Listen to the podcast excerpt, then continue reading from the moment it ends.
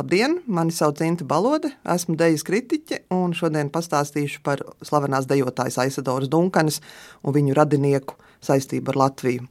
Droši vien pašas Dunkanas vārds ir eh, zināms arī tiem, kas par deju vispār neinteresējas. Cik es zinu, viņa pati Latvijā nav dejojusi, bet viņas brālis Raimons Dunkans ar savu domu biedru grupu 1927. gadā gan divus vakarus gan priecēja, gan šausmināja Rīgas publiku ar izrādēm uz Nacionālā teātra skatuves. Un Raimonda tuva līdzgaitniece bija latviešu dejotāja Aija Dunkāne. Bet nu, tā par visu pēc kārtas. Prese par slavenu aizsadoru rakstīja daudz, ziņojot pat par visādiem sīkumiem. Piemēram, ka viņa 24. gadā braucot eh, no Pleskavas uz Pēterpili, cietusi nervu satricinājumu un ievainojusi acis. Vesels saldais ēdiens bija, protams, attiecības ar Sergeju Sēņinu, kurš bija vienīgais vīrietis, ko viņa apprecēja par spīti savu brīvu attiecību principiem. Un eh, īsts Dunkans dzīves eksperts bija rakstnieks un žurnālists Artūrs Tupiņš. Izklausās, ka viņš tur necik reizes ir paspējis viņu satikt. Un tad viņš 27.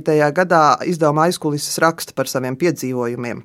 1922. gadā abi satikušies Berlīnē, lepnajā Adlona viesnīcā, un tad Aisadora jau bija kopā ar Iesēņinu, bet tā kā Iesēņins runāja tikai krieviski, bet Aisadora to neprat, tad Tupiņam nācies ir veikt tulka pienākumus. Tad Tupiņš arī 1924. gadā dažas dienas ir pavadījis Jēzeņina kompānijā kādā Maskavas kafejnīcā. Un, uh, tas bija laikā, kad Jēzeņins jau bija pašķīries no savas slavenās sievas, un Aizsadora bija Krimā, un katru dienu sūtīja Jēzeņinam garas telegrammas, aicinādam pie sevis, bet Sergejam viņa jau bija apnikusi. Bet šķīrusies no vīra Dunkana arī nav, jo viņš Maskavā cauri dienas pavadījis krogos, bet dienās gulējis, tā kā nekad nav paspējis aiziet uz dzimstarakstu nodaļu. Un tā ar tām klačām, bet uh, Latvijas presa bija gan aizrāvusies arī ar uh, pārdomām, kas man no šodienas acīm liekas gan interesanti par to, kurš tad uh, Dunkanu ģimenē bija tas īstais mākslinieks, vai pat Aisadora Dunkana vai viņas brālis Reimonds. Es varbūt pati kā drusku tāda feministe uzreiz pamanu, ka tās sieviešu autors vairāk izceļ Aisadoru kā īsto mākslinieci. Vīrieši atkal vairāk saka, ka Reimonds ir bijis tāds kā virzītājs spēks.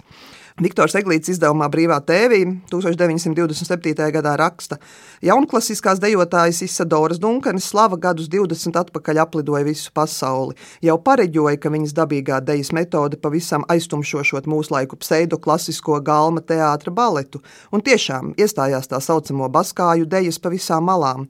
Bet to gan laikam tikai retais zinās, ka Izadora nebūtu nebija jaunās metodas atradēja un izkopēja, bet tikai sava brāļa, pazīstamā Parīzes filozofa un daudzpusīgā kā mākslinieka roku darbs.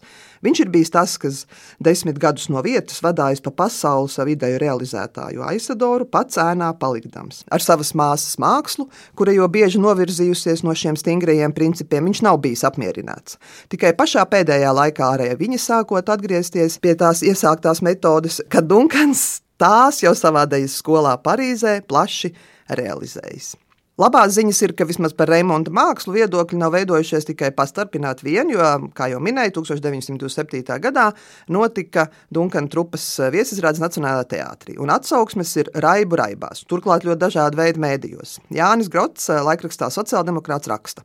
Tā vien liekas, cik to, protams, no vienas izrādes var saprast, ka Dunkana māksla nav nekāda jaunradoša un plaša tvēriena māksla, bet viņa trupas gluži personīga iedomu lieta, kura nestaro nekādā organiskā vēsturiskā sakarā. Ne ar sengrieķu kultūru pagātnē, ne ar kādiem īpatniem satura un formas meklējumiem tagadnē.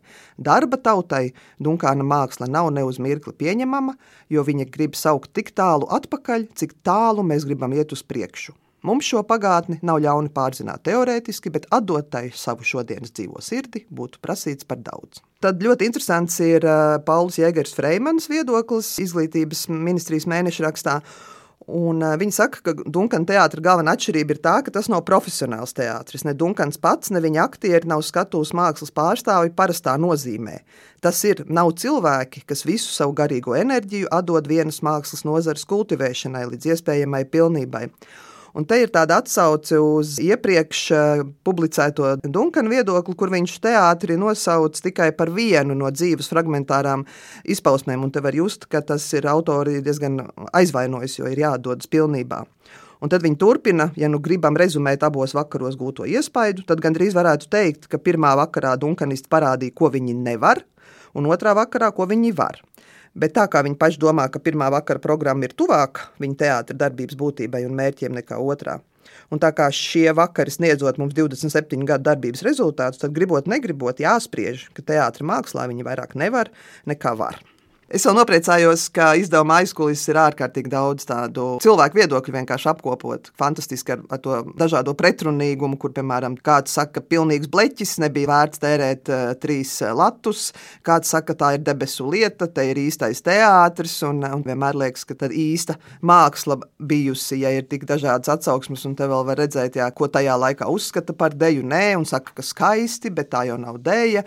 Tas ir um, arī vērtīgi, man liekas, man droši vien pietrūks, ka būtu tik dažādi un tik asi pretrunīgi viedokļi mūsdienu presē publicēti. Un tad vēl pēc diviem gadiem ir eh, raksts, kurā ir teikts, ka, nu jā, Toreiz jau tā nepieņēma, un tā, bet kas to būtu domājis? Tagad viņš ir slavens tur Parīzē un Ņujorkā, un tas slavenums un veiksmīgums arī tiek pamatots to, ka viņš tur nesko sapircies visādas īpašumas, tuvu Elizejas laukiem un brauks uz piekto avēniju dzīvot.